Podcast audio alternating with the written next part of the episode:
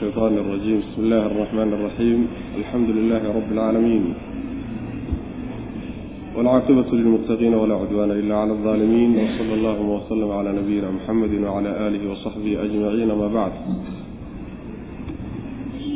فيقول سبحانه وتعالى والمحصنات من النساء إلا ما ملكت أيمانكم كتاب الله عليكم وأحل لكم ما وراء ذلكم أن تبتغوا بأموالكم محسنين غير مسافحين فما استمتعتم به منهن فآتوهن أجورهن فريضة ولا جناح عليكم فيما تراضيتم به من بعد الفريضة إن الله كان عليما حكيما waxaan ku soo dhex jirnay suurat gaar ahaan waxaan ugu soo dhex jirnay aayaadkii lagaga hadlayey guurka iyo dadka isguursan kara. Dadka isguursan kara iyo dadka aan guurkooda isu bannaanayn. Taasaan ku soo dhex jirnay. Aayaddii marka tan ka horreysay xurimat calaykum ummahaatu ummahaatukum wa banaatukum. Haween fara badan oo guurkooda uusan bannaanayn baa lagu soo sheegay weli waxaa lagu sii dhex jiraa marka oo aayaddani ka hadli doontaa. Isla guurkiin bay ka hadli doontaa. Waana aayadda soddon labaatan afraad ee suurat nisa waalmuxsanaatu waxaa kaloo laydinka xarimay.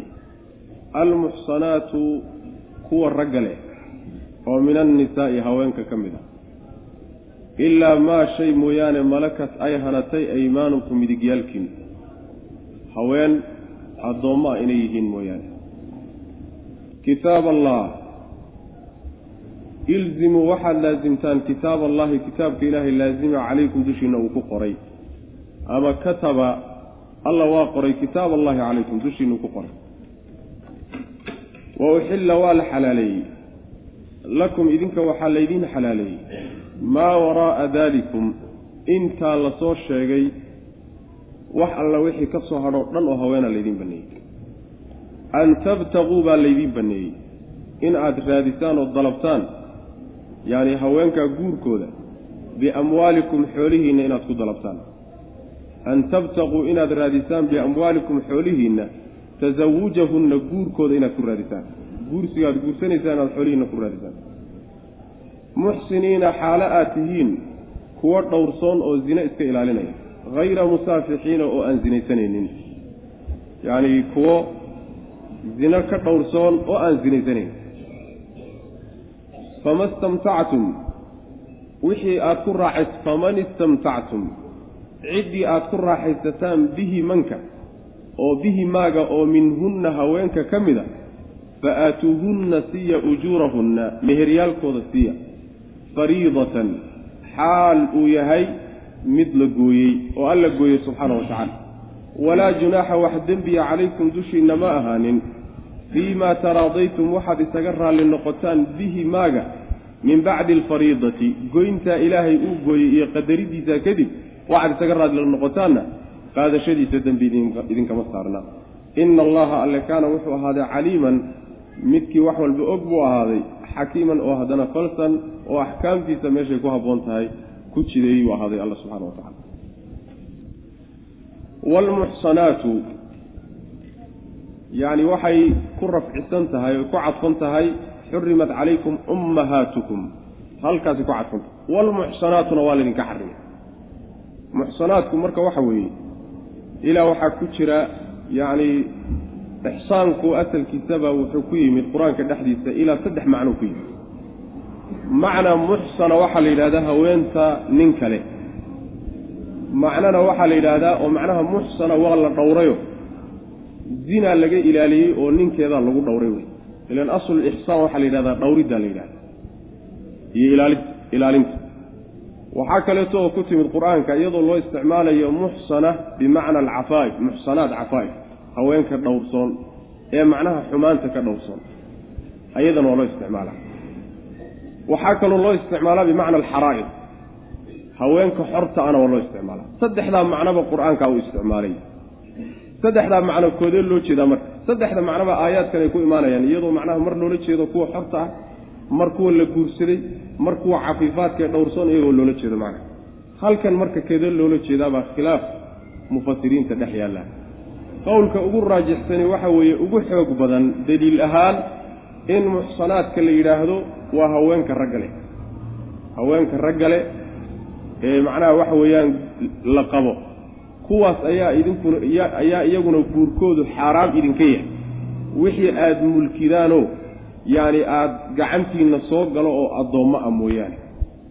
Oo ilaa maa malakat aymaanukum markaa waxay noqonaysaa in loola jeedo haweenkii markaa rag lahaa ee gaalada laga soo qabsaday gacantiinna soo galay iyagoo la qabo markaasi yacni guurkii ka dhexeeyey iyagiyo nimankoodu meeshaasuu marka ku dumayaa wuu baaba-ayaayo.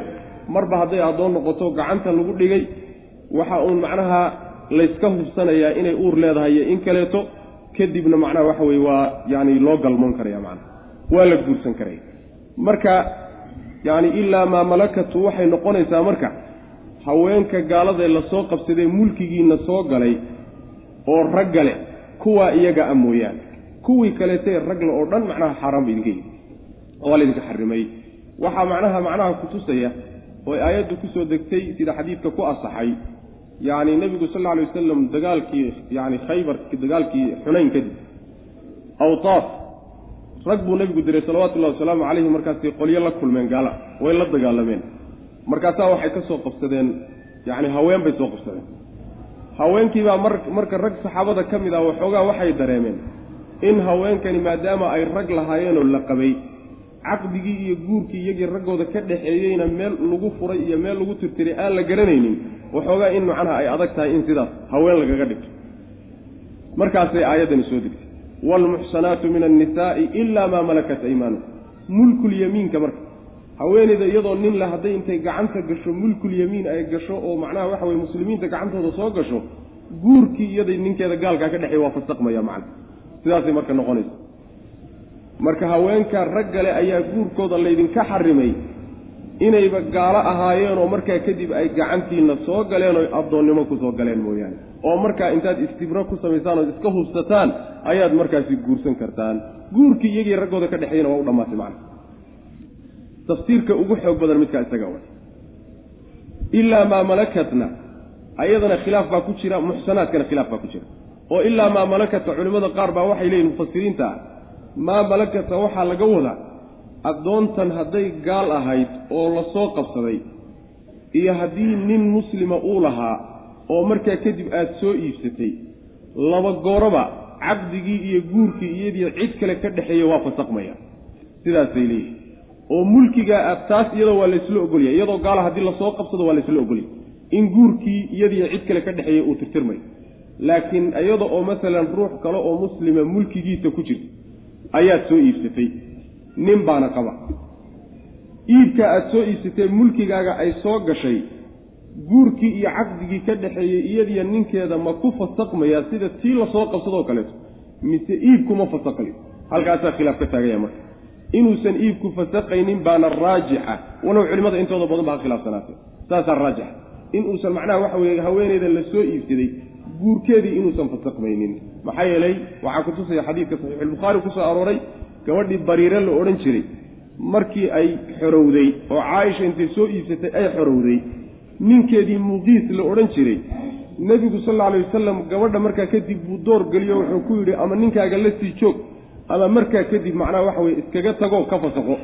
Labadaaba waa la doorgeliyey laakiin lama odhanin maadaama mulkigii aad ka soo wareegtay horo ood caaisho ku soo wareegtay caqdigii adigii muqiis idinka dhexeeyey waa baaba-ay lama dhih yacni xadiidkaasaa rajaxaya qowlka isaga marka ilaa maa malakat aymaanukum yani addoommada la soo iibsaday ma soo gelayaan. Laakiin ilaa maa malakat aymaanukum sida sababunazuulkuna kutusayo waxa weye waa haweenka markaa la soo qabsaday markaasaa la soo qabsaday oo gaalada laga soo qabsaday. Kuwa iyaga ah raggoodii horey isqabeen soo qabsigaasaa macnaha ku tirtirmaya. Kuwa keliya unbaa macnaha haween rag leh oo rag qabaan aada guursan karaysaa. Ayib kitaab allaahi calaykum yacni arrinkaasi axkaamtaa ilaahay soo jideeyey iyo haweenkaa laydinka xarimayba waa wax ilaahay subxaana wa tacaala idiin jideeyo idinku waajibiyey waay. In aad ilaalisaan oo aada dhowrtaanna ood ku dhaqantaanna loo baahan yahay. Markii intaa laga soo warramay oo haweenkii aan xalaasha aan guurkoodu bannaanayn la soo sheegay ayaa markaa kadib halka waxaa laga sheegayaa intaa wixii ka soo hadhay oo haween ah guurkoodu waa idin bannaaya intaa la soo sheegay wixii ka soo hadhay maa waraa'a daalika waa idin bannaaya macna. Waxaa khasisaya cumuumka isaga ah oo iyadana laga soo reebayaa maa waraa'a daalika oo iyagana guurkoodu uusan bannaanayn kuwii a sunnada xadiista nebiga ku soo aroray salawatullahi waslamu caleyh ama aayaad kale ay ku tuseen oo waxaa ka mid a masalan yaani tii aan soo sheegnayo lama soo sheegin aayaadka dhexdooda laguma soo sheegin lakiin axaadiista nebigaa sheegtay sida gabadha iyo habaryarteedoo laisu geeyo kale. Gabadha iyo masalan waxa weye eedadeedoo laisu geeyo kale. Maa waraa'a daalika laga soo reebaya? Waxaa kaloo iyadana laga soo reebaya haweenayda iyo ninkeeda hadday talaacunaan oo intay islacnadaan maxkamadda laysula tago oo zine laysku gano talaacunka aan ugu tegi doonno suuratu nuur insha allahu tacala hadday iyadana ka dhexdhacdo ayadana waxa weeyaan dib dambe umuu guursan karaya macana taxriim abadi a wey iyadana waa macnaha waxa weye kuwaan la guursan karin bay ku jiraan. Waxaa iyadana laga soo reebaya aayadda tan ku xigta xukumkay ka hadli doonto oo addoontideedaba inaadan guursan karaynin ilaa daruura inay keenta mooyaane. Iyo shuruudeeda inoo imaan doonto inaad ku guursato mooyaane. Ayadana macnaha waa laga soo reebaya. Ayib intaasoo dhan ayaa laga soo waxaa kaloo laga soo reebaya. Waa yacni ninka afarta haweenkaa qaba isagana waxa weye mishadaan inuusan ku tari karayna aayado kale ayagana ina tusay. Adigu intaasoo dhan oo nusuustu ka soo reebtay maa waraa'a daalika? Ayaa laga soo reebaya macna oo iyagana guurkooda uusan bannaanayn. Waxaa idin bannaan kuwa marka inaad ku raadsataan xoolihiinna idinkoo aan yacni is-ilaalinayo oo haweenkiina zine kaga dhowrsanaya zinana aan u qastaynin safxiga waxaa la yidhahdaa hayra musaafixiina asalkiisa daadinta la yidhahdaa biyaha iyo waxyaalaha macnaha maayacaadkoo la daadiyaa la yidhahda waxaa zaaniga yacni zinada safxi loogu magacaabaa zaanigana safaax loogu magacaabaa waxa weeye. Yacni qasadka uu meesha ka leeyahayba wax kale ma ahe biyo unu iska daadiyo. Inuu biyo daadiyo wey ujeeddadiisu laakiin meesha ama ilmo ka hel ama ujeeddooyin kaleeto ama haweenta macnaha waxa weye zine ka ilaali ujeeddooyinkaa kaleo dhan macnaha ma wato. Yacni waxa weeye sifaaxa marka waxaa la yidhahdaa zinada la yidhahda markaa kadib alla subxaana wa tacaala wuxuu yidhi haweenka intii aad ku raaxaysataan oo aad u galmootaan ood yacni xaas ka dhigataan meherkoodii siiya. Ilaahay baa u qadaray waa wax go-anoo rabbi u qadare meherkoodii siiya baa la yidhi. Yani fama istamtactum bihi minhunna faaatuuhunna ujuurahunna fariidatan waa meherkii. Sidaas ayaa iyadana raajixu xoog badan. Tafsiir kalea meesha ku jiro laga xoog badan yahay. Walow mufasiriin fara badan ha qabaan. Oo aayadda waxay ku fasireen in laga wado mutcadii mutcada yani shay la odhan jirayo islaamka awalkiisii bannaan jira oo la nasakhay oo waxay ahaan jirtay ninkii haweenayda ayaa waxay ku heshiinayaan inay muddo muddo mucayana muddo go-an oo iyagu markaa isla garteen inay macnaha waxa weeyaan ishaweensadaan oo ninku macnaha waxa weyaan haweenay ka dhigto. Muddadaa iyada a marka xoolo qadar mucayanoo xoolo ah ayuu gabadha siinaya. Muddadii hadday gaadho marka waa kala tegaya. Yaani ma sii wada joogi karaano inuu furana looma baahno inuu furana looma baahna muddadiiba hadday gaadhay bas wey yacni kiro wey macana sida kiro oo kaleeta ayay ahaydo sadrulislaam ayay bannaaneed gadaal dambana waa la nasakhay. Xukunkaasay ay culimmada qaarkood ku fasirayaan laakiin waa tafsiir daciifa w tafsiir daciifa waxaa laga wadaa fama istamtactumta meherkii baa laga wadaa. Maxaa yeelay sidaynu soo marnayba meherka waxaa waajibiya haweenayda oo loo galmoodo marka istimtaacba mar haddaad ku samaysaan meherkii waa u waajibay ama ha u magacownaado ama yuusan u magacownaanin meherkii waa waajibay meherkoodii siiy wey macana kadib baa alla subxaana wa tacaala aayadda wuxuu ku sheegay markii meherka la qadaro oo la gooyo kadib oo caqdigu dhaco wixii aad markaa kadib isaga raalli noqotaan dembi idinkama saarna kala qaata raalli noqoshadaas waxay noqonaysaa ama gabadhiibaaba wixii cafiday yacni meherkeedii o dhan bay cafiday ama qaar ka mid ay ninkii ka cafiday ama ninkiibaaba u badiyeyba boqol dollar bay ahaydee shan boqoloo dollar buu uga dhigay oo gabadhiibuu meherkii u badiyey. Waa u bannaantay macna. Yani iyadana waa u bannaantay isagana waa u bannaan tahay intaa wixii ka dambe macna. Waalmuxsanaatu ayaa laydinka xarimay kuwa la ilaaliyey oo guurka lagu ilaaliyey. Haweenka guurka lagu dhowray baa laydinkayaa laydinka xarimay guurkooda waalmuxsanaatu kuwa guurka lagu ilaaliyey baa guursigooda laydinka xarimay. Oo min annisaa'i haweenka ka mid yani kuwa la qabo unbaa laga wadaay muxsanada lafdigaa unbaan tixgelinayna macna. Oo min annisaa'i haweenka ka mida ayaa guurkooda laydinka xarimay. Ilaa maa malakat waxay hanata mooyaane aymaanukum midigyaalkiina ood gaalada ka soo qabsataan hadday rag lahaayeen ayaga waa idiin bannaaya inaad guursataan markaad iska hubsataan way macana kuwaa mooyaane naa kaloo macnaha waxa weye nin lama guursan kartaa kitaab allah kataba wuu qoray alla kitaab allahi qoraalka ilaahay calaykum dushiina uu ku qoray ama waa iqri'e waxaad tidhaahdaa ilzamuu waxaad laasimtaan kitaab allaahi calaykum dushiinna uu ku qoray qoraalkaa ilaahay uu dushiinna ku qoray ku waajibiyey iyo axkaamtaa uu idiin jireeyey laazima oo macnaha ku dhaqmo wey wa uxilla waa la xalaaleeyey lakum idinka waxaa laydiin xalaaleeyey maa waraa'a daalikum intiinaa laydiin soo sheegay wixii ka soo hadhay oo dhan baa laydiin xalaaleeyey. Aayaddu intay soo tibaaxday oy sheegtay wixii ka soo hadhay o dhan baa laydiin xalaaleeyey. An tabtaquu baa laydiin xalaaleeyey inaad raaditaan ayaga inaad guurkooda raadisaan biamwaalikum xoolihiinna inaad ku raadsataan. Bilaash ma ahee xoolihiinna inaad ku guursataan way macna. Muxsiniina xalaatihin kuwa dhowrsanay oo zinada ka dhowrsanay. Hayra musaafixiina oo aan weliba zinaysanaynin. Yani sidaas yani waa ta'kiido.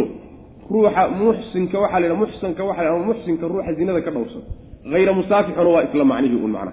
Marka iyadoon baa la sii adkaynaya famas ama muxsiniina xaal aad tihiin kuwa haweenkiina ilaalinaya oo zino ka dhowraya hayra musaafixiina oon zinaysanaynin idinkuna idinkuna ma zinaysanaysaan haweenkiinana zinaad ka dhowraysaan macna sidaasina waa macno waa macno kale wey fama istamtactum maadu bimacnaa man wey oo haweenkii macnaa is mawsuul oo haweenkii lagu wado fama istamtactum faman cidda istamtactum aad ku raaxaysataan bihi manka oo minhunna haweenka ka mid a fa aatuuhunna siiya ujuurahunna meheryaalkooda siiya damaa'irta iskhilaafsan ha la yaabin yacni manta iyo maada khasaa'istooday ka mid tahay marna damiirka ifraad baa loogu celiyaa marna jamac baa loogu celiyaa macnahoodaa la muraaceeyaa marna lafdigoodaa la muraaceeya marka fama istamtactum bihida yani waxaa la muraacaynaya lafdiga ma. Fa aatuuhunna iyo ujuurahunna iyo damaa'irtaana waxaa la muraacaynayaa macnahooda oo bimacna aljamca macna. Sidaas macnaa wax weeyaan weyaan hala yaabin macna. Fa aatuuhunna siiya ujuurahunna meheryaalkooda siiya fariidatan xaal uu yahay mid la gooyo alla u gooyey walaa junaaxa wax dembiya calaykum dushiinna ma ahaanin. Fiima taraadaytum waxaad isaga raalli noqotaan dhexdiis bihi maaga min bacdi alfariidati goyntaa iyo qadariddaa kadib. Markii la qadaro oo la gooyo oo gabadha xaqeedu u sugnaada kadib wixii ay isaga raalli noqotaan wax dembiya idinkama saarnaa yacni way wada cafin kartaa kulli ama qaar bay cafin. Wixii ninkuu u siyaadiyey oo gabadha u saarana oo u badyana ayadana wax dembiya idinkama saarna kala qaatow ina allaha alle kaana wuxuu ahaaday caliiman midkii ogsoon buu ahaaday xakiiman oo haddana falsano xukm walba meeshuu ku habboon yahay dhigow. Waman lam yastadic minkum tawlan an yankixa almuxsanaati almu'minaat famima malakat aymaanukum. Aayaddanna waxay ka hadlaysaa haddii ruuxii uu awoodi kari waayo inuu haweeney xor a guursado haweeney xoraba mama guursan karaba. Zinana waa isaga cabsanayaayo nin adkaysan kara ma aha. Muxuu samaynayaa marka ma guursan karaa addoon miyuu guursanayaa mise maxaa xal u noqonaya maxaa xal u ah? Taasay ka hadlaysa. Ilaan waxa weeyaan zine iska dhowra oo guurkan waxaa loo jideeyey in zinada lagaga hortago oo zinada lagu baajiyo. Haddii marka ruuxii uusan guurkii awoodi karan ilaan dhaqaala loo baahan yaho waa inagii an tabtaquu biamwaalikum soo nidhi. Haddiuusan dhaqaalihiiba awoodi karaynin ousan meherba bixin karaynin maxaa lagu samaynayaa marka? See buu isu ilaalin waana baahan yahay.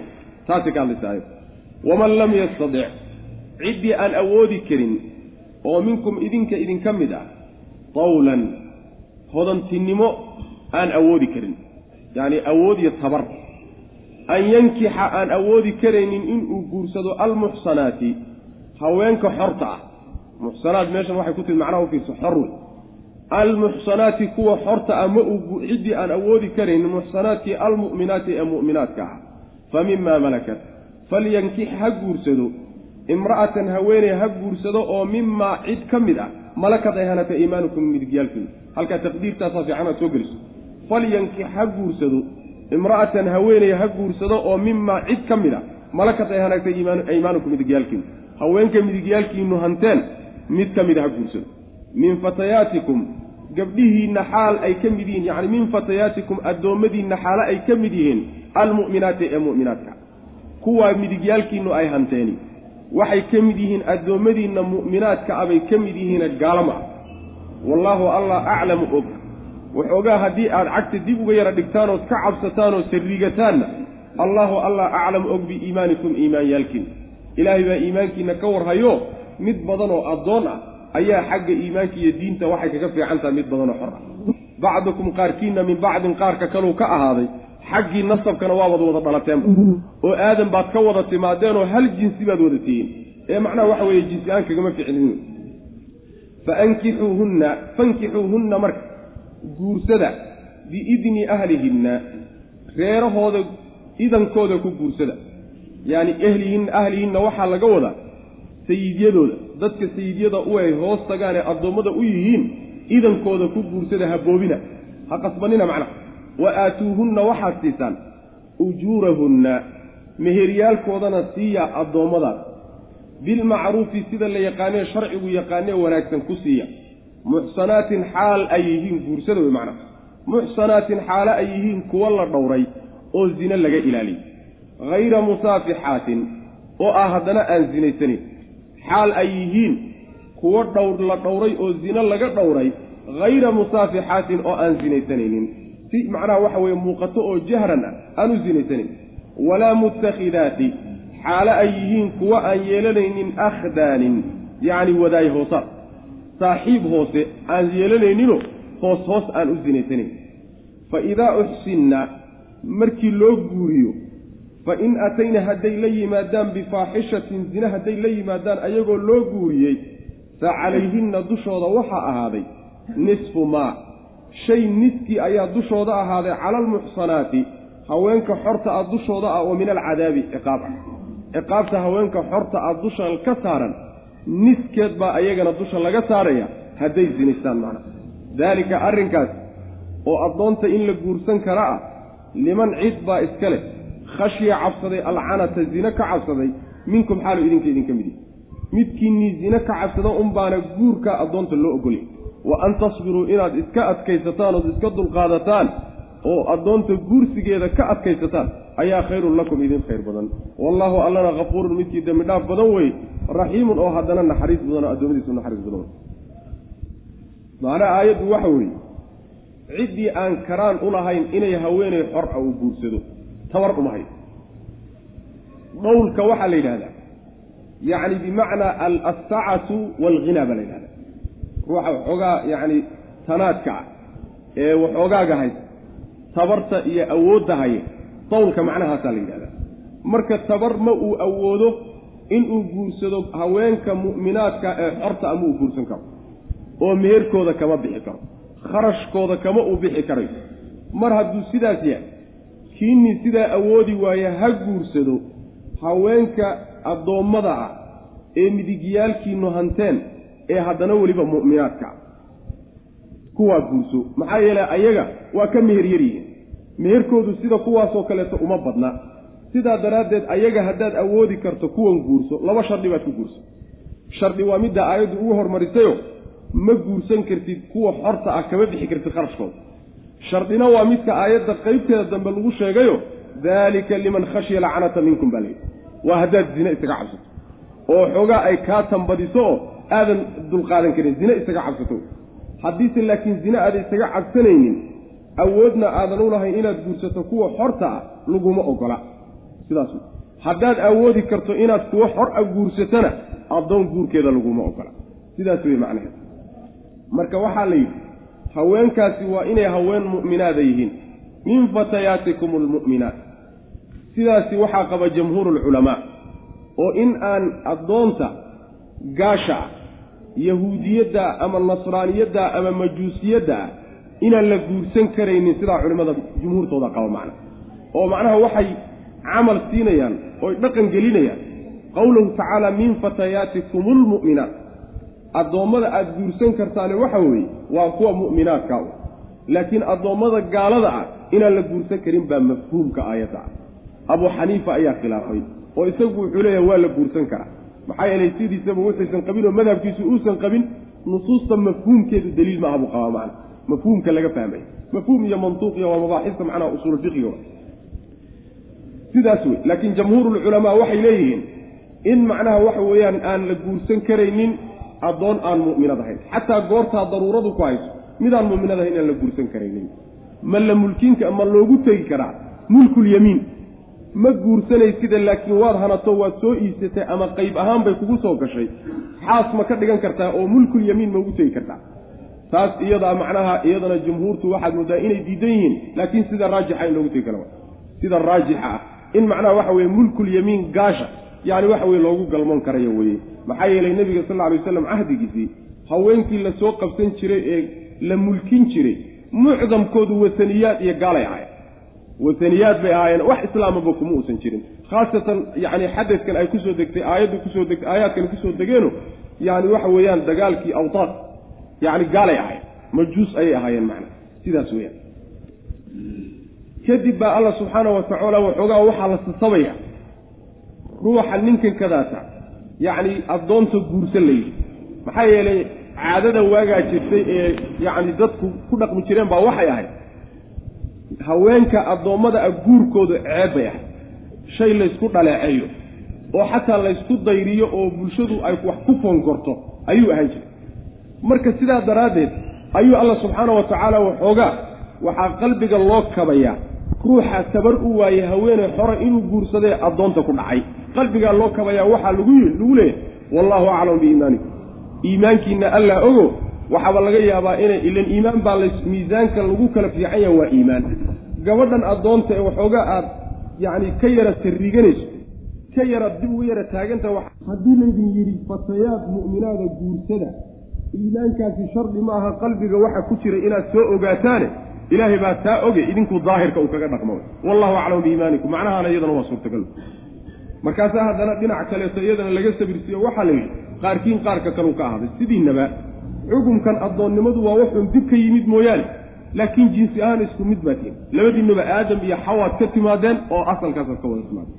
Isku diinna waa tihiino gabdhahani mu'minaad marka waxba yacni waxa weeyaan cabsi badan ayayna idin gelini guursada wey macnaha markaad guursadayna guursanaysaanna waxaad ku guursataan biidni ahlihinna yacni dadka sayidyadooda ah ka guursada oo iyaga ka doone eh hala cararina macnaha markaad guursanaysaanna waxaad siisaan meheryaalkooda. Wa aatuuhunna ujuurahunna oo iyagu addoommo wey addoonna waxba ma mulkiyo.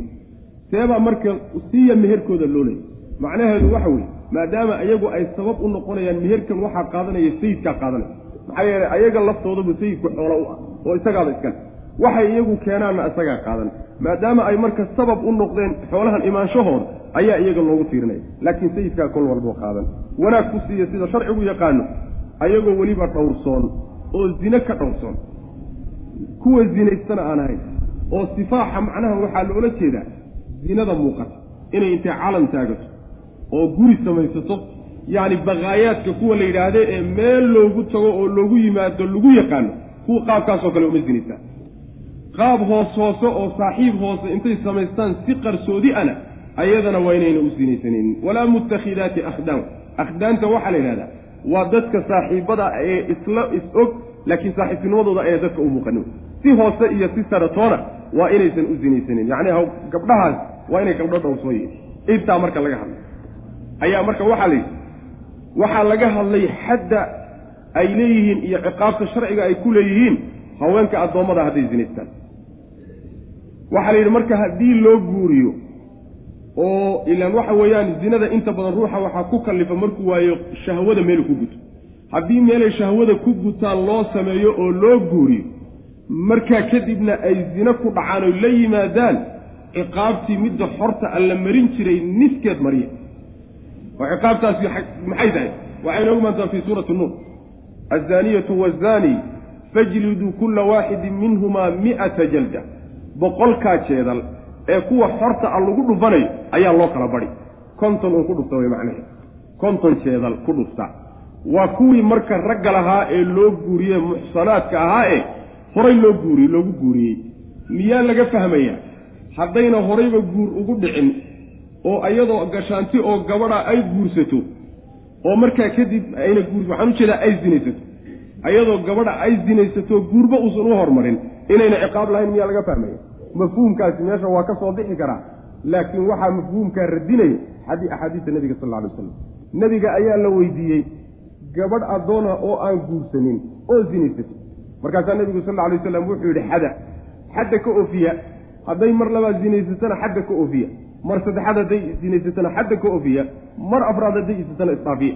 Wax yarba haddaad doontaan ku iibsaday isdhaafiya buu nabigu yuri salawatullah waslamu caleyh marka hadday macnaha waxa weeyaan ay yani tahay xataa mid aan guur u horreynin iyadana waa la xadaya oo xadda isku mid bay ka yihiin xadda isku mid bay ku yihiin maxaa marka loo keenay meerka fa in uxsinna haddii loo guuriyo si aan guursaninba hadday kula mid tahay xukunka maxay faa'iideynaysaa fa in uxsinna? Waxay faa'iideynaysaa kuwa kale xorta ah.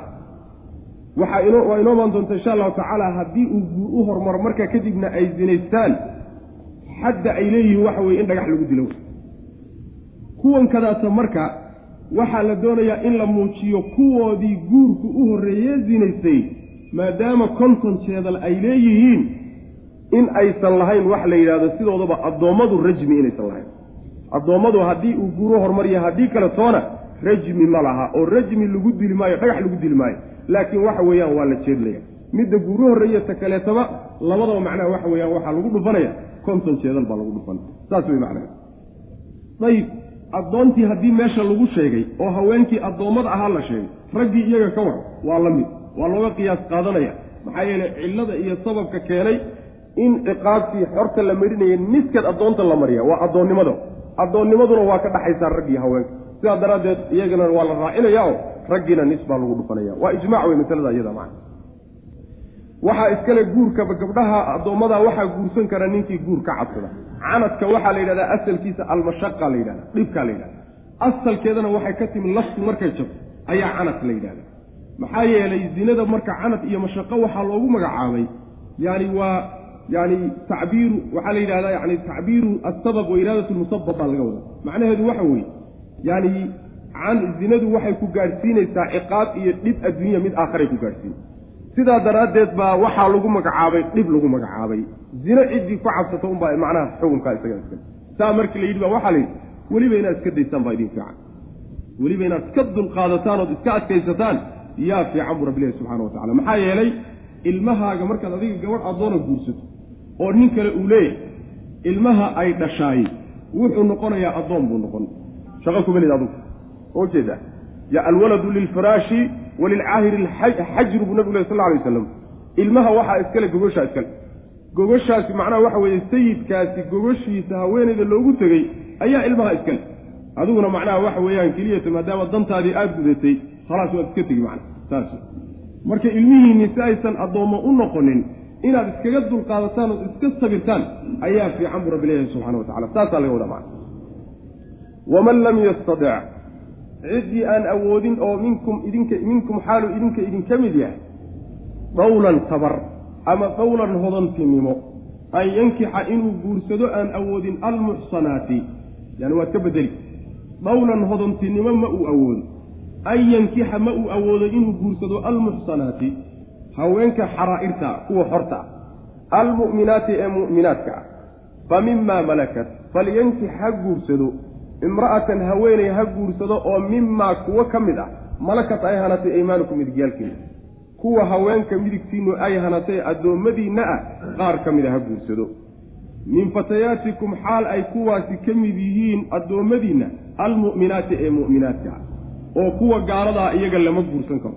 Wallaahu allah aclamu og biiimaanikum iimaankiinna allah og o gabadhan iimaanka qalbigeeda ku jira addoonta aadta xorta ee aada doonaysad u hanqaltaagaysa inay ka fiicantaaba laga yaabo bacdukum qaarkiin qaarkum qaarkiin min bacdin qaarka kaluu ka ahaado waad dhasheeno hal meel baad ka wada timaadeen. Fankixuuhunna guursada marka biidni ahlihinna reerkooda idankiisa ku guursada. Yacnii ha laydiin guuriyo gabdhaha doona. Gabdhaha doone yani maadaama ay addoon tahay xoolo tahay waan dhacayaa oo meelahaasan macnaha waxa weeyaan aan ku guursanaya waa iska qaadanaya maya. Ehelkooda ka doona wey macnaheedu. Wa aatuuhunna waxaad siisaan ujuurahunna meheryaalkoodana siiya sayidkaa qaadan bilmacruufi sida la yaqaana sharcigu ogolyaa ku siiya. Muxsanaatin xaal ay yihiin kuwa dhowrsoon oo zine ka dhowrsoon kuwa la dhowray. Xaal ay yihiin oo zine laga dhowray. Hayra musaafixaatin si cad oo muuqata aan u zinaysanayn walaa muttakhidaatin kuwa aan samaysanaynin xaal ay yihiin akhdaanin yacnii saaxiib hoosaad saaxiib hoose oon lala ogeyn ayagoon samaysanaynin faidaa uxsinna yacni walaa hayri muttakidaati akhdaan faidaa uxsinna markii loo guuriyo fain atayna hadday la yimaadaan bifaaxi markii la dhowro oo guur lagu dhowro lagana dhowro zino oo ay guur helaan fain atayna hadday la yimaadaan bifaaxishatin zina hadday la yimaadaan fa calayhinna dushooda waxa a nisfu maa shay niskii ayaa dushooda ah. Cala almuxsanaati kuwa xorta ah dushooda saaran oo min alcadaabi ciqaabka ciqaabta kuwa muxsanaadka ee xorta ah dushooda saaran ee la ciqaabayo niskeed ayaa iyagana la ciqaabaya macna. Oo boqol haddii kuwa la ciqaabayo nis baa looga dhigo konton. Daalika arrinkaa oo in la guursan karaa haweenkaa addoommada ah shuruudda haddii laga helo daalika arrinkaa guurkaasi liban cid buu u sugnaaday oo u bannaan yahay khashiya cabsaday alcanata zina ka cabsaday. Minkum xaalu idinka idinka mid wa an tasbiruu inaad sabirtaan ood iskaga daysaan oo guurka ka dulqaadataan ayaa khayrun lakum idiin khayr badan oo idiin fiican. Wallaahu allana kafuurun midkii dhaafo wey raxiimun oo naxariis. Yani aayad kale insha allahu tacala waa u tegi doonaa waliyastacfif aladiina laa yajiduuna nikaaxan xataa yugniyahum allahu min fadli. Qolada aan guurka awoodi karin oo kharashka u haynin ha dhowrsadeen oo zina ha iska ilaaliyeen oo ha iska dulqaateen ilaahay intuu farajkii uga furayo macna oo rabbi uu wax ka siinayo macna. Nebiguna sal alla alay wasalam yani ruuxa markay shahwadu ka tamadooto tabarna uu waayo guur nebigu wuxuu inagu irshaadiyey salawatullahi wasalaamu caleyh in la soomo. Oo nebigu sal alay waslam soomka wuxuu ku tilmaamay inuu shahwada iyo quwaddeeda jebiyo maxaa soomku jidhkuu daciifin jidhku hadduu daciifana yani waxaa daciifaysa shahwadii baa daciifaysa taasna irshaadaadka nabigeenna wey salawatullahi waslamu caleyh yuriidu allahu liyubayina lakum wayahdiyakum sunana aladiina min qablikum wayatuuba calaykum wallahu caliimun xakiim yuriidu allahu alla wuxuu doonayaa liyubayina inuu caddeeyo ayuu dooni lakum idinka wixii masaalix iyo danihiinna iyo axkaamta inuu idin caddeeyuu dooni wayahdiyakum inuu idin hanuuniyo ayuu doonayaa sunana aladiina kuwii jidadkooda inuu idinku hanuuniyo min qablikum hortiin ah ambiyadii idinka horraysaiyo dadkii waan wanaagsanaa jidkay mareen inuu idinku hanuuniyu rabbi doonaya. Wayatuuba wuxuu alla doonayaa inuu towbad aqbalo calaykum dushiinna inuu ka toobad aqbalo wixii hore idinka dhacay idin dhaaf. Wallaahu alla caliimun midkii og weye xakiimin oo fal. Wallaahu alla yuriidu wuxuu doonay an yatuuba inuu toobad aqbalo calaykum dushiinna. Wa yuriidu waxay doonayaan alladiina kuwii waxay doonayaan yatabicuuna raacaya ashahawaati naftoodu waxay jeclaatay kuwa raacaya iyo xaaraamta kuwaasina waxay doonayaan an tamiiluu inaad leexataan? Maylan leexasho cadiiman oo weyn. Inaad jidka macnaha waxa weeye aada ka simbirraaxataan oo aada uga fogaataan taasa iyaguna idinla rabaa yuriidu allaahu alla wuxuu doonayaa an yukhafifa inuu fududeeyo cankum xaggiinna axkaamta sharciga inuu idinka fududeeyo oo wax culaysaba uusan dusha idinka saarin. Wa khuliqa alinsaanu insaankii waa la abuuray daciifan xaalu yahay mid tabar daran aayaadkani waxay tacliiq u yihiin laga soo bilaabo suuradda awalkeeda. Ilaa halkan aan ka soo gaadhayno axkaam baa laga hadlaya yacni mar dhaq laga hadlo macnaha aytaamtii mar guurka laga hadlo mar haweenka muxaramaadka laga hadlo mar dhaxalkii laga hadlo axkaam baa lagu soo dhaafay axkaamtaasi marka ujeeddada laga leeyahay buu markan aayaddani tilmaamaysa alla wuxuu doonayaa inuu idin idiin caddeeyo waxa uu idiin jideeyey iyo axkaamta inuu idiin caddeeyo. Sidoo kalena wuxuu rabaa inuu idinku hanuuniyo dadkii idinka horreeyey ee fiicfiicnaa jidkay mareenee wanaagsanaana jidadkoodii inuu idinku hanuuniyo alla doonaya subxana wa tacala oo qaab dhaqankan fiican ee la soo sheega laga soo warramay ummadihii hore ee fiicfiicnaa iyo ambiyadiiyo dadkii saalixiintaa horaa ku dhaqmi jira macana kuwaa jidkoodii inaad martaan ood ku dayataan baa laydinla rabaa. Allana inuu towbadiinna aqbalo oo wixii hore idiin dhaafuu rabaa dhaqanka aad ku dhaqanteen sharcigiisa darteed. Allana subxaana wa tacaala waa midkii masaalixda iyo wax walboo qarsoon og xakiim aho shay walba meesha ku habboon dhigo oo waxyaalahan uu jideeyey xugum walba meeshuu u qalmee ku habboonaa buu rabbi dhigay subxana wa tacala haddana waa la adkeeyo waxaa la yidhi alla wuxuu doonayaa inuu idinka toobad aqbalo. Soo celintaasi macnaheedu waxa weeye waxaa loogu gogol xaadhayaa wa yuriidu aladiina yatabicuuna shahawaat. Si middaa loogu dul dhiso ayaa loo soo celiyey sii horey macnaha taakiidu alla wuxuu doonayaa inuu idinka toobad aqbalo oo uu macnaha sharciga aad ku dhaqanteen iyo diintiisa aad qaadateen uu idin dhaafo wixii dembi idinka dhacay. Qolyaha raacay shahwadooda waxay naftoodu jeceshahay iska raacay balwadooda raacay. Kuwaasina waxay idinla rabaan in aad leexasho weyn leexataan. Yacni inaad jidka ka baydhaan oo aada luntaano weliba lumid aada u durugsan inaad luntaan ba idinla rabaan. Kuwaas yaa weeye marka. Xumaantaa idinla doonaya waxa weeyaan waa yahuud ama nasaaro ama qolyaha zinaysta ee balwadlayaasha ee xumaanta ka shaqeeye aan wanaagba aqoonin kuwa iyaga ayaa doonaya oo yahuud iyo nasaari iyo murjuus iyo gaalada haddii la yidhaahdana waxay doonayaan sidayd u gaalowda say u gaaloobeen inaad u gaalowdaan. Kuwan xuxunkaa ee xusaada ah haddii la yidhahda fusaaqdaana ayaguna waxay xumaanta idinla doonayaan. Hadda waxay la rabaan xumaantooda in lala wadaago. Sidaas wey maxaa yeele xumaanta haddii lagula wadaago waxoogaa dhiiranaan baad qaadan. Oo waad ku farxi waxaaga mar walba oo dadku kula wadaagaba maana alla subxaana wa tacaala marka wuxuu tilmaamayaa axkaamtaa uu jideeyey inay takhfiif tahay. Waa fududayn ilaahi subxana wa tacala wax badan oo adkaa ayuu ilaahay inaga fududeeyey. Sababkuna wuxuu yahay ibni aadamkaaba dacfi lagu abuuray. Cilada wey macna. Jumladan dambe wa khuliqa alinsaanu daciifan. Waa tacliiliye wey. Yacni cillada ilaahay axkaamta uu idinka fududaynayayo waxay tahay ibni aadamka isagoo tabar daran baa la abuuray. Oo wuxuu awoodi karaaba iska yar awooddiisa intuu awoodi karay buu rabbi u jidaya subxaana wa tacala weliba wax badan baa laga sifudayy yuriidu allahu alla wuxuu doonayaa yani waa gallad weyn oo ilaahay subxaana wa tacaala uu inoo galay. Yuriidu allahu alla wuxuu doonayaa liyubayina inuu caddeeyo. An yubayina wy macna inuu caddeeyo lakum idinka inuu idin caddeeyo sharaa'ica diinakum. Diintiinna sharaa'icdeeda iyo axkaamteeda iyo masaalixdiinna inuu idin caddeeyo alla doonaya wayahdiyakum inuu idin hanuuniyo ayuu alla doonayaa sunana aladiina kuwii jidadkooda inuu idinku hanuuniyo min qablikum idinka hortiin ahaa oo ambiyadiiyo dadkii hore jeesicina jidkay mareen ah kuwaa inuu idinku hanuuniyo doonaya. Si aad ugu dayataan. Wayatuuba inuu toobad aqbaluu alla doonaya calaykum dushiina ka toobad aqbalo. Wallaahu allana caliimun midkii og weeye khafaayaadkiiyo wax walbo qarsoon xakiimun oo haddana falsanoo farsamadiisu fiican tahay. Wallaahu alla yuriidu wuxuu doonayaa an yatuuba inuu toobad aqbalo calaykum dushiinna wa yuriidu aladiina kuwiina waxay doonayaan yatabicuuna raacayey ashahawaati balwadoodiiyo waxay naftoodu jeceshahay raacay sharci iyo diin iyo caqli ayagoon ilaalinaynin waxay naftoodu u qurxiso un iska raacay kuwaasi waxay iyaguna doonayaan an tamiiluu inaad leexataan maylan leexasho inaad diinta alle ka leexataan cadiiman oo weyn diinta rabbi inaad ka leexataan bay doonayaan macna oo siday iyagu u xun yihiin aada ula xumaataan marka iraadada alle iyo doonitaankiisa fuliya iraadaadka kuwaasi xunxunkee xumaanta idinla doonayana ka hortaga oo diida wey macna. Iraadada rabbi iyo doonitaankiisa midaas macnaha la yimaado. Waa inaad la timaadaan.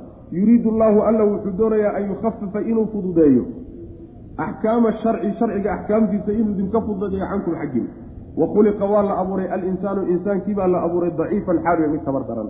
Isagoo tabar daranoo wuxuu kari karaba ay iska yar tahay ayuu ilaahay idinka fududeeyey subxaana wa tacala ayuu macnaha waxa weye ibni aadamka abuuray.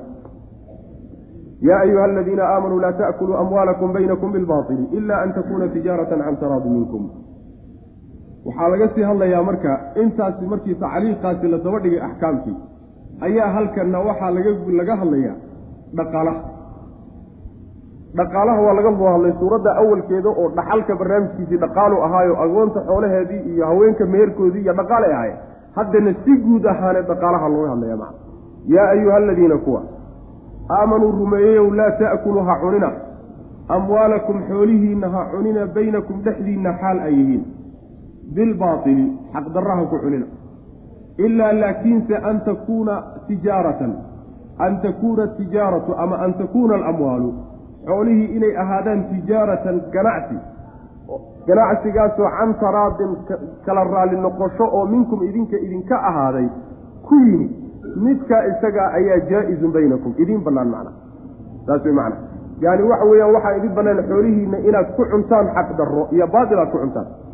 Laakiin haddii ay tijaaro aada isdhaafsanaysaan oo raalli aada isaga tihiin ay tahay way idiin bannaan tahay macnaha kala qaadashada. Walaa taqtuluu ha dilina anfusakum nafafyaalkiina ha dilina ina allaha alle kaana wuxuu ahaaday bikum idinka raxiiman mid idiin naxariiste waman yafcal ciddii samaysa daalika arrinka xoolaha dadka cunta ama naftiisa dishaay ama naftaba dila. Cudwaanan xadgudub ruuxii u sameey iyo wa dulman gardarro darteed. Fasawfa nuslihi waanu gelin doonaa naaran naar baanu gelin. Wa kaana wuxuu ahaaday daalika arrinka oo naargelintii yasiiran mid fudud buu ahaaday cala allahi ilahay dushiisa. Ilaahay arrinkaasi waa u fudud yahayo kuma adka. Xoolaha dhexdiinna ah ee aada leedihiin ha cunina buu rabbi leeyahy subxaana wa tacala xaqdarraha ku cunina yani waa caam marka. Waa caam. Haddii si gooniya meherkii haweenka looga soo hadlay waa khaas. Xoolihii agoontuna waa khaas. Dhaxalkiina waa khaas. Si guud baa hadda waxaa loo yidhi xoolaha aada leedihiinee dhexdiinna yaalla baatil iyo xaqdarraha ku kala cunina. Sidaas wey ilaa inay tahay xoolaha oo aad ku kala qaadanaysaan mooyaane isdhaafsi ganacsi oo weliba aada raalli ku kala tihiin inaad ganacsi isku dhaafsanaysaan oo adiguna badeecadii aada wadato ninkanna uu lacagtii wato sidaasoo kaleeto inaad isku dhaafsanaysaan mooye xoolihiinna xaqdarraha ku celin. Oo middan dambe xaqdarro ma ahe waa mid idiin bannaan macnaheedu way idiin bannaan. Tijaaradaa la sheegay. Maxaa yeelay yaani duruqul kasbiga jidadka dadka ay wax ku soo galaan intooda badan waa middan wey tijaaray macnaha ku timaadaa ayada sidaas daraaddeed baa gooni loogu sheegay laakiin waxaa soo gelaya siismadii baa soo gelaya oo hadiyad yacni hadaayaadkii laysu siinayey macnaha iyagana laysu hadiyeynayay baa soo gelaya oo dhaxalkiina soo marnay baa soo gelaya oo waxaa soo gelaya macnaha waxyaalo fara badan oo wax laysku dhaafsado. Oo sharcigu ogolaya xalaala macnaha ka mid ah jidadkaa marka sharcigu uu diiday waa jidad fara badan wey tuugnimadii baa ka mid a yacni rishtii baa ka mid a ribadii baa ka mid a khayaanadii baa ka mid a ma ujeeda jidadkaasoo dhan oo sharcigu faahfaahiyey oo kutubta fiqigu ay aada u faahfaahiyeen axaadiista nebiga iyo aayaadka iyadoo laga qaadanayo kuwaa iyagaa way duruqda aan banaanayn inaad xoolaha ku kala qaadataan walaa taqtuluu anfusakum nafafyaalkiina ha dilina. Macnaheeda dhowr macnoba waa suurtagal walaa taqtuluu anfusakum dadka ruuxa walaalkaa ha dili way xaqdarraa ku dili.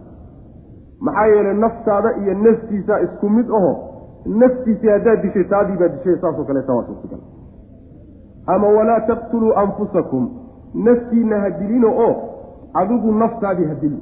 Taasina waa suurtagal oo naftaada wax dila ama inaabad macnaha disho oo si mubaasharatan u disho. Ama wax dila inaad ugu sabab noqoto ayuu alla reebaya subxaana wa tacala waxyaala nafta dili kara inaadan isticmaalin. Sida waxyaalaha sunta oo kaleeto yacni waxyaalaha macnaha waxa weeyaan keeni kara inuu ruuxu dhinto oo naftu ay ka baxdo taa iyadaana ha isticmaalina. oo xaaraam wey iyadana waxaa kaloo soo gelaya oo iyadana macnaha dilka nafta ka mid a macaasida iyo dunuubta la gelayo iyagana dilka naftay keenaan. Macaasidana iyadana iska jira. Tafaasiirtaasoo dhan waxyaala macaanidaasoo dhan baa soo gudagelay. Alla subxaana wa tacaala mid idiin naxariis badan buu ahaa. Naxariistiisu meeshanay ka buuqataayo naftiinniibuuba idinka celinayaaba naftiinnii buu idinka hayaayo war naftiinna daayuu le naftaadiiba ruuxa kaa sasabayo oo kaa xigsaday soo mid aad iyo aada u naxariis badan maa alla subxaana wa tacala marka naxariistiisu aad bay macnaha u weyn. Ciddii sidaa samay oo ama xoolaha dadka xaqdarro ku cun ama dil naftiisa dila ama naf kale xaqdarro ku dilo iyo xadgudub naar baanu gelin buu rabbi ilahi subxana wa tacala arrinkaasina ilaahay wuxuu leeyahay waa ii sahlay arrin ilaahay agtiisa aada u sahlan oo aan ku adkayn wey macna. Xadiid baa nebiga ka sugan sal lla alay wasalam uu leeyahay laa yaxilu maalu mri'in muslimin ilaa can tiyi nafsin ruux muslim ah xoolihiisu sinaba uma banaano ilaa naftiisu inay raalli ku tahay mooyaane. Waa inay naftiisu raalli ku tahay. Can taraadin minkum taas ayaa macnaha kutusay ridaha maxaa lagu garan marka? Ilaan ridihii waa camal qalbi ah. Qalbigu ku jira. Shaygan inuu raalli kaaga yahay ruuxani iyo inuusan raalli kaaga ahayn maxaad ku garan? Waxaa lagu garanaya labadii ruux intay isu yimaadaan oy gorgortamaan. Waa markii macnaha wax la kala iibsanayey oo markaa kadib uu caqdigii dhaco meeshii la wada fadhiyeyna lagu kala tago wax shardiyana aynan dhiganin. Taasi taraadi bay ku tusay. Sidaas way macna. Oo macnaha iijaabka qabuulka iyo iijaabka waan kaa iibiyey iyo waan aqbalay. Ama istasiintaa laysdhaafsadayba iyadoon cidina ku qasbaynin. Waxay daliil u tahay qalbigiisa macnaha ku jira ridaha macna. Wailaa riduhu waa macno qalbi ah. Waa camal qalbigo macnaha waxa weyaan aan la arki karin. Yaa ayuha aladiina kuwa aamanuu rumeeyew laa ta'kuluu ha cunina amwaalakum xoolihiinna ha cunina baynakum dhexdiinna bilbaaili xaqdarraha ku cunin. Ilaa an takuuna ilaa laakiinse istisnuu munqatic wey ilaa laakiinse an takuuna in ay ahaato tijaaratan an taqaca inay dhacdo. Tijaaradii tijaaratan inay dhacdo. Ama an takuuna tijaaratu tijaaradii inay ahaato tijaaratan inay ahaato. Waxaan ujeeda an takuuna alamwaalu. An takuuna alamwaalu xoolihii inay ahaadaan tijaaratan tijaaro iyo ganacsi tijaaradaasoo can taraadin isaga raalli noqosho ka ahaaday oo minkum idinka ridahaasoo minkum xaggiinna ka yimid.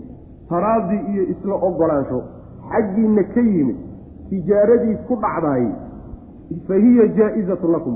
Waa mid idiin bannaani oo sidaa haddaad wax ku kala qaadataani waa idiin furanta walaa taqtuluu hadilina anfusakum nafafyaalkiina hadilina nafdilidda waxaa soo gelayo nahyiga soo gelayahay ruuxu hadduu qaato mawaad naftiisa dilay masalan masqaadka oo kale iyo sigaarka oo kale iyo nusuusta loo deliishado inay xaaraam yihiin bay ka mid taha culimadu u deliishanayaan. Maxaa yeelay waxay keenayaan amraad khatar ah oo marka dambe keenaya inay naftu dhimato. Sidaas macnaha waxa weye marka loogu deliishadaa. Walaa taqtuluu anfusakum. Wax walba macnaha macnahaasina waa la mid. Nabiguna sal ly slam axaadiistiisay ku soo aroortay ninkii naftiisa u sabab noqda dilkeeda oo wax dila intuu qaato sidaa isku dilaayo shaygii uu isku dilay buu cadaabka dhexdiisa ku qaadan buu nabigu yuri sal lay slam hadduu mindi isgeliyey hadduu waran isgeliyey hadduu macnaha sigaara cabay oo intuu macnaha waxa weye saradaan iyo balaayo ku dhacday uu ku dhintay wax alla wixii uu isku dilay unbuu macnaha waxa weye naarta dhexeeda ku qaadan. Saasaa xadiidka nabiga ka sugan salawatullahi waslamu caleyh ina allaha alle kaana wuxuu ahaaday raxiiman mid idiin naxariis badan bikum idinka waman yafcal cidii sameeya dalika arrinka. Daalikadaas waa la isku khilaafsan yahayo culimada mufasiriinta qaar waxay leeyihiin waxay u noqonaysaa un qatligii qaarna waxay leeyihiin qatligii iyo akligii bay u noqonaysaa. Xoolaha qaar dadka xaqdaro lagu xun qaarna waxay leeyihiin maya suuradda awalkeeda ka soo bilow.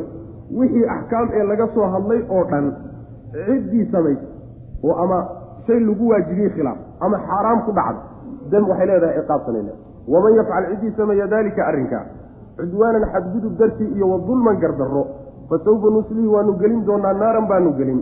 Wa kaana wuxuu ahday daalika arrinkaas cala allah alla dushiisa yasiira mid usahl oo ma xadgudub iyo dulmi inuu yahay arrinkaasi baa shardi ah. Hadduusan xadgudub iyo dulmi ahayn ayada ciqaabtani ka dhalan mayso matalan ruuxa aad macnaha waxa weyaan qisaasta ku leh haddaad qisaaso ama xoolihiisiiba aad xaq kaga qaadato taas iyadii ma soo gelayso ama midkii murtadka ahaa oo islaamka ka ridoobay baa inta la qabtay baa la dilay.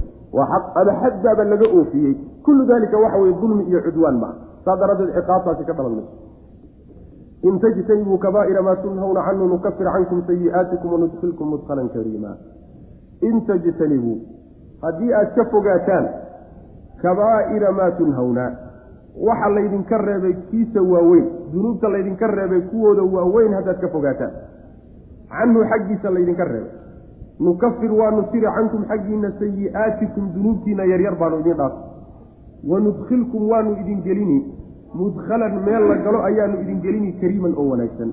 Meel la galo oo aada u fiicana waanu idin gelin bu rabbilahi wa tacala macnaha aayaddu waxa weeye rabbi fadligiisa iyo ixsaankiisa waxaa ka mid a addoonkiisa addoommadiisa uu ku tafadulay.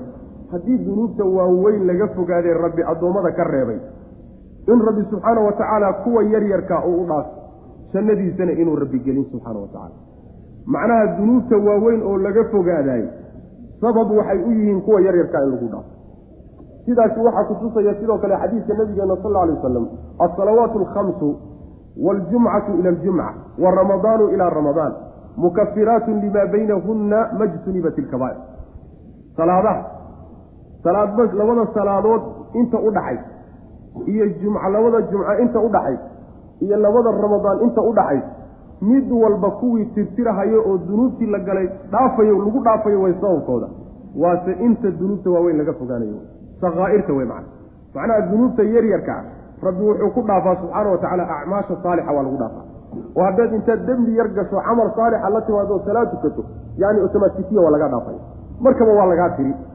Ama meehe masaa'ibta kugu dhacayso alla ku dhaafay subxaana wa tacala masaa'ibta cudurka iyo yani gaajada iyo dhibaatooyinka kugu dhacayana ayagana way tiraan dunuubta yarka shardi bay laakiin leedahayo waa in dunuubta waaweyn aad iska ilaaliso shardigaasaa meesha yaalla macana mufasiriinta qaar ka mida waxay leeyihiin in tajtanibuu kabaa'irada waxaa laga wadaa shirkiga oo waxay la macno noqonaysaa ina allaha laa yakfiru an yushraka bihi wa yakfiru maa duuna dalika liman yashaa.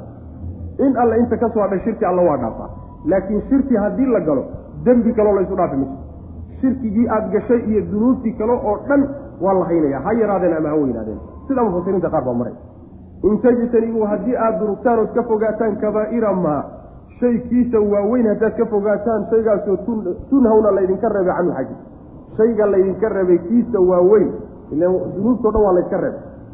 Kiisa waaweyn oo dunuubta waaweyna haddaad ka fogaataan nukafir waanu tiri cankum xaggiina waanu idiin dhaafi sayi'aatikum dunuubtiina yareerkaa baanu idin dhaafi. Halkan in sayi-aadka sakaa'ir laga wado sidaasaa macnaha raajix maxaa yeelay kabaa'ira baa laga soo hormariyey.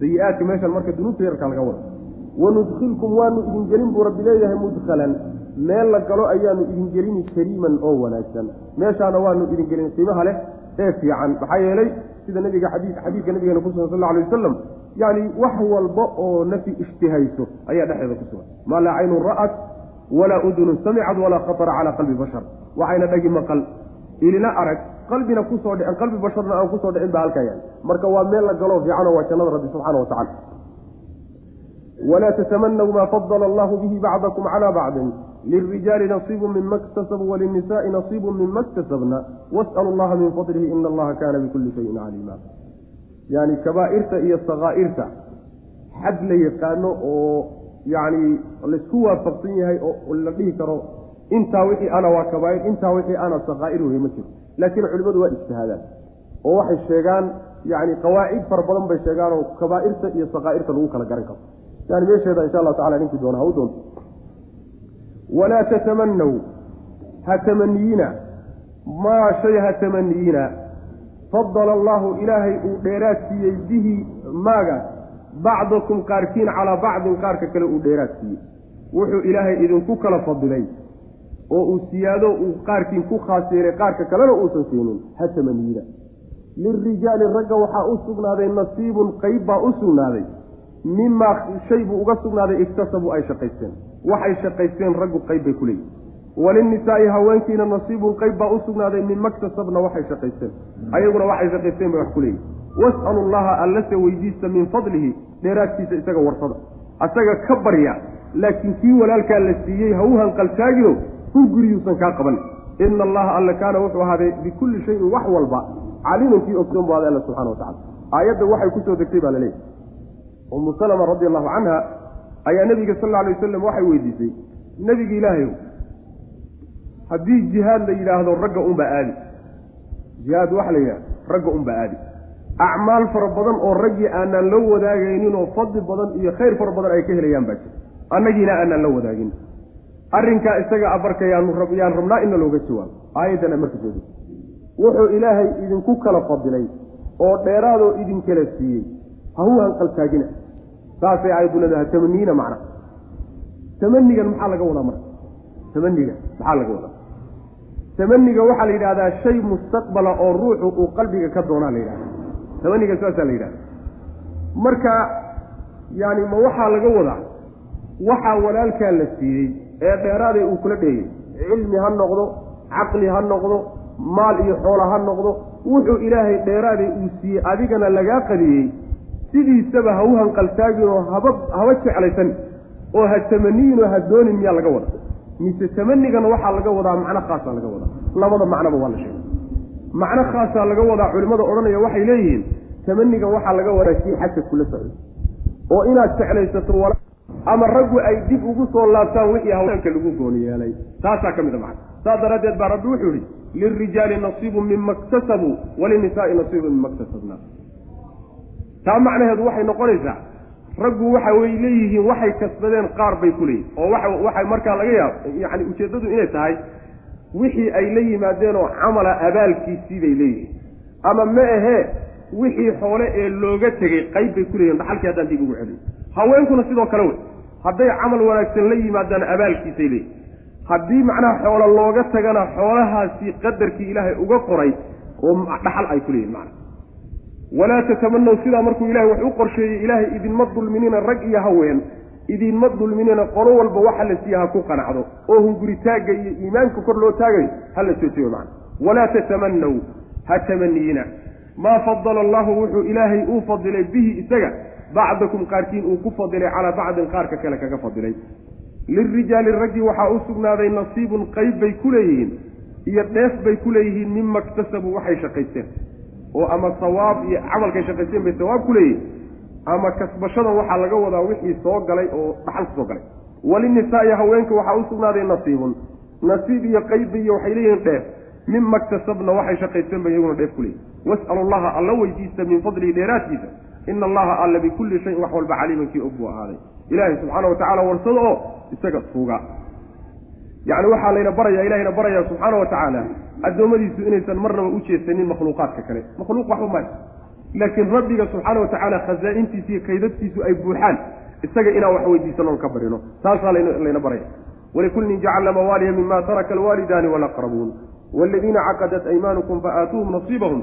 Ina allaha kaana calaa kulli shayin shahiida walikullin mid walba waxaa u sugnaaday walikullin mid walba ayaan walikullin mid walba jacalnaa waxaan u yeelnay mawaaliya kuwa dhaxla ayaan u yeelnay qaraabo dhaxasha kuwaasoo yarituuna dhaxlaya mimaa shay dhaxlaya taraka ay ka tageen alwaalidaani labada waalid ay ka tageen waalaqrabuuna qaraabadu ay ka tageen waaladiina kuwa caqadad ay gunuday aymaanuku midigyaalkiinu xilfahum yacni xilfigooda iyo gaashaan buursigooda iyo macnaha waxa weeye ay gunuday fa aatuuhum siiya nasiibahum yacni nasiibkooda iyo dheeftooda siiya ina allaha alle kaana wuxuu ahday calaa kulli shayin wax walba shahiidan midkii goobjoogka og buu ahday alla subxana wa tacala macnaha aayadda qeybteeda hore waxay ka hadlaysaa mid walba oo dadka dhintay ka mid a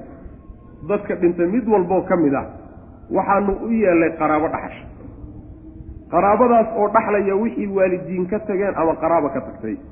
In walba xigaalkii iyo qaraabadii iyo casabadiisaa dhaxli saasaan u yeelnay bu rabbilahi subxana wa tacala intaa marka la sheegay. Ayaa haddana waxaa la sheegay waxaa jiri jiray jaahiligii islaamka ka hor waxaa jiri jiray. Wax xilfi la yidhaha xilfi wax la yidhaha xilfigu macnaha waxa weeye waa in aad ruuxan kadaata aada ku heshiisaan. In aad qaaraanka isla bixisaan aada isdhaxashaan yacni sida dadku ay u walaaloobaan oo kaleeto sidaasoo kaleeto nadama ayaa jiri jiray. Nadaamkaasi marka jaahiligi u jiri. Yacni nin baa dadkuusan ka dhalanin buu yuu dhex imaanaya. Dadkiibuu marka xilfi la gelaya maujeedaa xilfi iyo heshiis iyo wuxuu la gelayaa. Yacni waxa weeyaan gaashaanbuursi qol macnaha waxa weya isku darmanaya. Qoladaa iyada marka iyo raggaa iyo qoyskaa uu ku darmaday qoyskaa iyagaa dhaxal buu ku leeyahy marka. Way isdhexli jireen oo waxaa la isku dhexli jiray qaraabtinimo ma ah laakiin xilfi wey xilfigaasi marka asbaabta la isku dhexli aan jiray sadrulislaam waa la nasakhay marka xukunkaa isaga. Aayaddu marka waxay leedahay kuwa midigyaalkiinu ay gunteen heshiiskooda iyo xilfiga aada la gasheen oo aad tacaaqudka samayseen ood heshiiseen kuwa iyaga ana siiya nasiibkoodii iyo dhaxalka waxay ku lahayen aayaddu marka waa mansuuqo oo waxaa nasakday wa ulul arxaami bacduhum awlaa bibacdin fii kitaab illah aayadda inoogu imaan doonto insha allahu tacala fi suurati alanfaal. Aakhirkeeda inoogu imaan doonto taasaa nasakday macna. Qaybteeda dambe wey laakiin qaybta hore ayadu waxay leedahay cid walba casabo iyo qaraabo dhaxshay leedahay oo xooluhu ka tegay iskale. Mufasiriinta qaar ka mida waxay leeyihiin aayadda qaybteeda hore iyo qaybteeda hore dambe ayaaba isnasakhayba oo qaybtan dambe waxaaba nasakhaya walikullin jacalnaa mawaaliya mima taraka alwaalidaani walaqrabuun qaraabo iyo xigaal ayaa nin walba xoolihiisa dhaxlaya oo iskale haddii la yidhi waxay kutusaysaa middan dambe inay mansuuqo tahay macana laba gooraba xukunkaasi waa mansuuq waxaa kaloo isagana mansuuq walaalayntii nebigu sal lay slam madiine markuu yii muhaajiriin iyo ansaar u walaaleeyey. Taana iyadana waa la isku dhexli jiray sadrulislaam ayadana waa la nasakhay. Waxaa la soo reebay qaraabtinimadii iyo iyo guurkii iyo cisqigii. Asbaabta noocaasoo kalea sharcigu soo reebay. Walikullin mid walba oo kuwa dhintay ka midaan jacalnaa u yeelnay mawaaliya yacni kuwo qaraabo oo dhaxlaan u yeelnay mawaalida waxaa la yidhahda mawla addoonka waa la yidhahda sayidkana waa la yidhahda gargaarahana waa la yidhahda in adeerkana waa la yidhahda qaraabadiiyo casabadana waa la yidhahda halkan qaata qaraabadiiyo casabada ku dhexlaysa laga wada mawaaliye ayaa macnahan u yeelnay kuwo qaraabo oo dhaxla.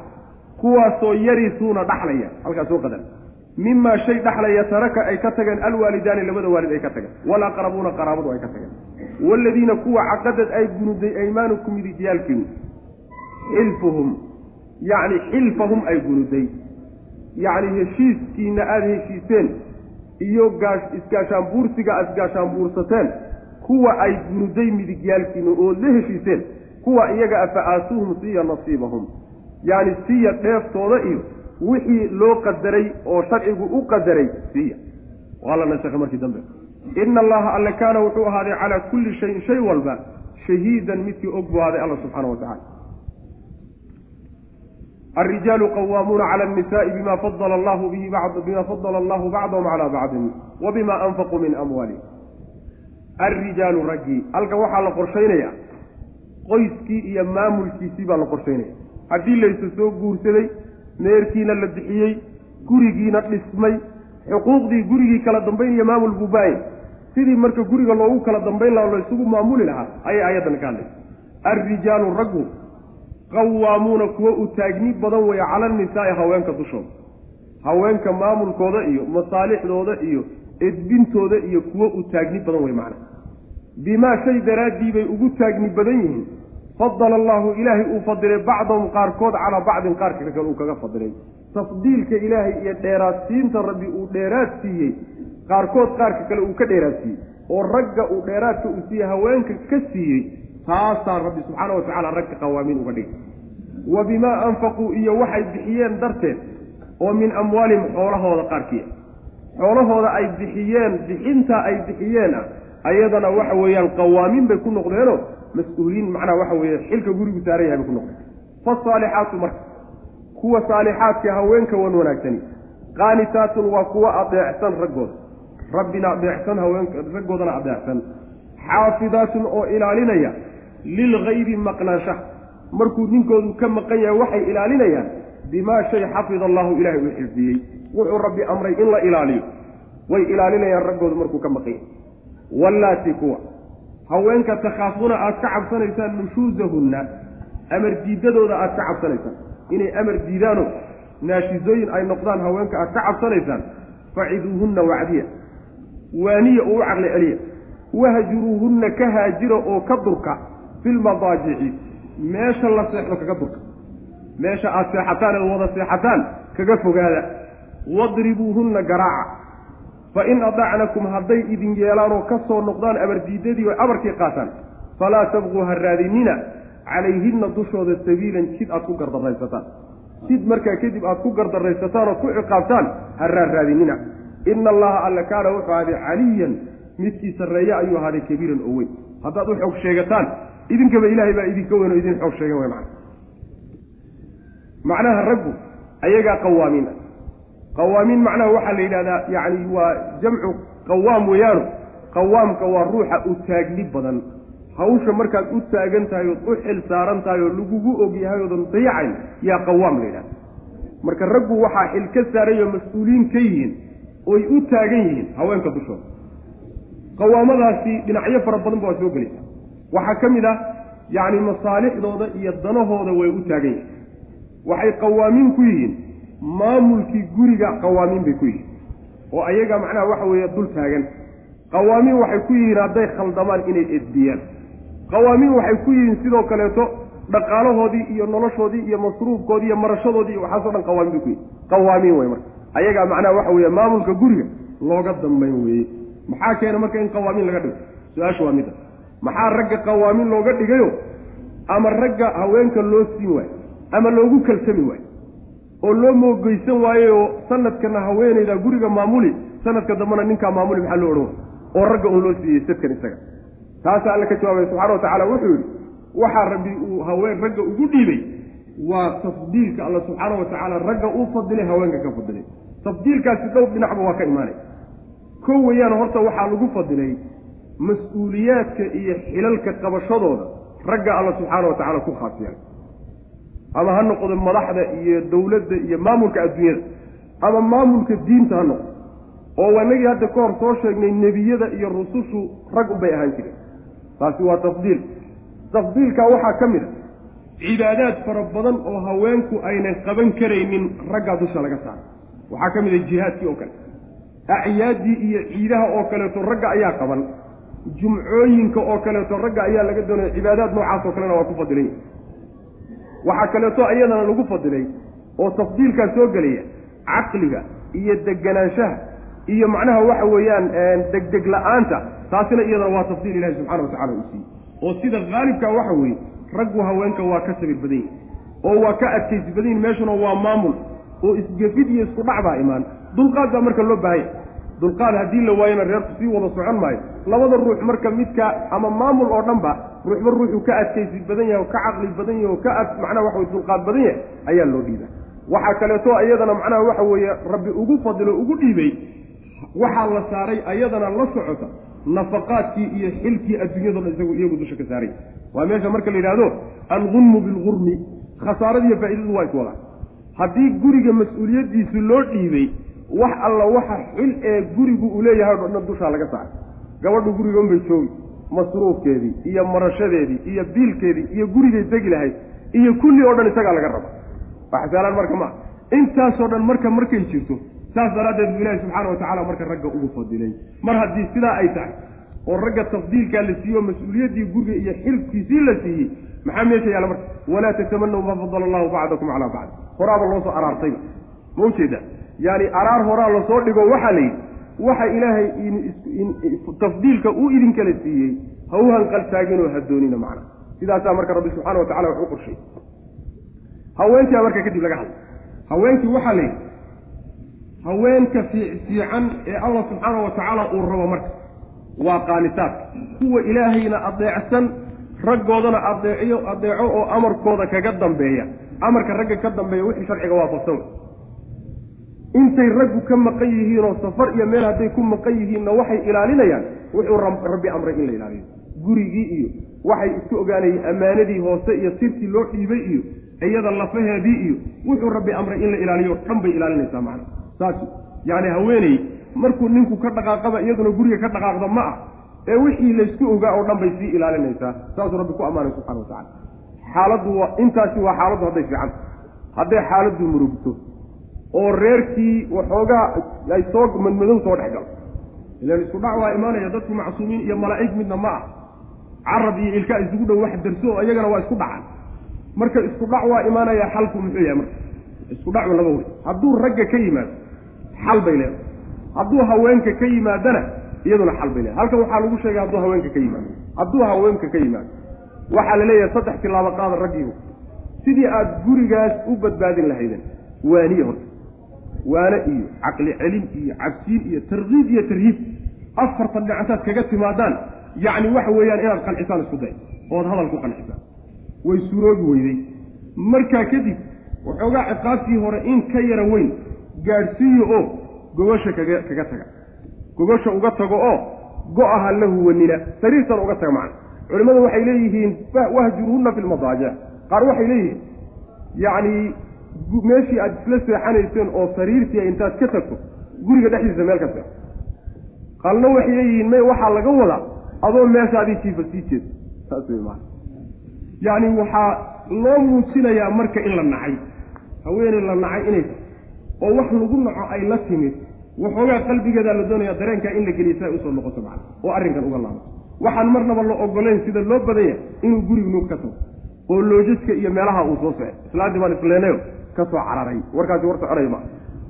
Maujeeda lama ogola. Waa in macnaha waxa weye guriga dhexdiisa aad kaga hijrooto macna haddii taasi anfici waayo oo daawadaasina socon weydo waxba qabsoomi waayaan markaa kadib waxoogaa macnaha waxa weye garaaca la leey darban kayra mubarixin nabiga sal lla alay slam xadiiskiisay ku soo aroortay garaac aan dhib weyn gaadhsiinin garaac aan dhib weyn gaadhsiina waxoogaa adiga edbin ah edbiya ayaa la leeyahay saas marka darbigaasi yacni fuqahadu waxay yidhahdaan waxoogaa iyada lafteeda ihaana layala tusayaaye in wax la gaadhsiiya lama doonayo. Waxoogaa ciqaabtu uun arrinku inuu sii weynaaday oo mar walba meel xun ku sii socdo oo xaaladdu sii xumaanaysa unbaa la tusaya. Waxoogaa marka waxay dhahan marada fiideeda iyo yani calalka fiidiisa lagu dhufdhufto waxaasi darbi ma laakiin darbi uun adiga aan dhib weynna u gaadhsiinayna waxna dareensiinaya adiga macnaha waxa wey in la darbiya ayaa macnaha sharci u hadday markaa kadib idin yeelaan oo arrinkii xalistoy ka soo laabtaan yani waxa weye gardarrada ka daaye. Khalad horaad gashay. Yani waxa weye ha u sii gardaraysanina oo ha sii dabageline faraha ka qaada. Maxaa idin daba dhig maxaa yeelay ilaahay subxaana wa tacaala haddaad xoog u sheegataan oo aad saa ku gardarraysanaysaan idinkana ilahay baa idinka xoog badan. Saas daraaddeed baa aayadda waxaa lagu khatimay ina allaha kaana caliyan kabiira. Ilahay subxaana wa tacaala mid sarreeyo weliba weyn ayuu rabbi aday subxana wa tacala marka sidaasaa sharcigeenu guriga iyo qoyska u qorsheeyey ummadaha kalete iyo bulshooyinka kalena qorshaa uga degan iyo xeer qoys baa u degan xeerka sidan u qorshaysan ee u qaabaysan u qiimaha badan intaynu ka guurno marka kuwo la soo amaado ergisa ah in laynagu qanciyaayo waa khalad. Ama gaalo reer bari laga soo ergistay ama gaalo reer galbeed laga soo ergistay ama macnaha ugaasi iyo odayaal ay inoo qorqoreen waxaasi wax ilaahay sharcigiisa ogol yahay maa sharciga xeerka qoyska loogu talagalay middan wey sidaa marka waa in loogu kala dambeeyo sharcigeena u qaadano alrijaalu raggu qawaamuuna kuwo u taagni badan weeyo cala nisaa'i haweenka dushooda mas'uulka ah. Wixii khaladay gabadhu gasho qayb ninkeedu ku leeyay kullukum mas'uulun wa kullukum mas'uulun kullukum raacin wa kullukum mas'uulun can raciyati wa xadiis nabi sal alay slam cid walba macnaha waxa weeye hawl baa loo diray hawshii loo diray baana la warsan. Markaasaa nebigu sal alay waslam wuxuu ku daray ninkuna reerkiisa ayuu mas'uulkay.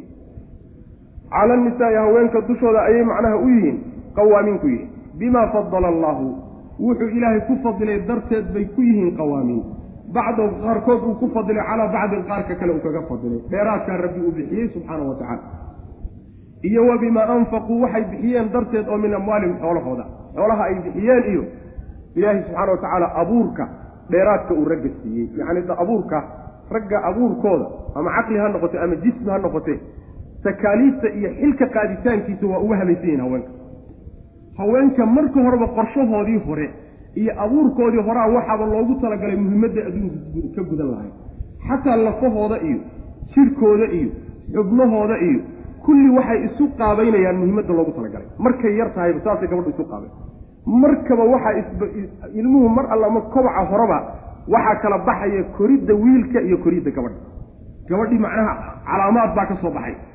Yacni qaab bay u baxaysaa qaab bay u koraysaa wiilkiina qaab buu koraya wiilkii xubnihiisiibaa adadkaan oo wuu xoogaysan oo macnaha sawdka xataa xagga iska dhaf xataa sawdka iyo qaabka uu u baxayo haweenkii rag waa ku kala gedsiye marka dadka doonaya inay intay arrinta dabagediyaan mas'uuliyadda haweenka ay u dhiibaan waxaa fiicnaan lahayd marka hore inay haween noocaasa soo abuuraan. Haween noocaas oo qaabka u qorshaysan ilaan markaad doonayso masalan inaad biyo cabto weel biyahaasi macnaha qaadi karaa yaa la samaysa ilaahi subxana wa tacala haweenkana qaab buu u habeeyey arrintan loogu talagelay adduunka ay inay ka qabtaan ku habboon raggana wuxuu u qaabeeyey mas'uuliyadda adduunka inay ka qabtaan loogu talagalay qaab u qalmabuu rabbi u qaabayso oo u abuuro macnaha waxa weeyaan uu u koriyey. Labadii qaab haddii laysdaba mariyo marka waa mushkilada hadda adduunka ka taagan.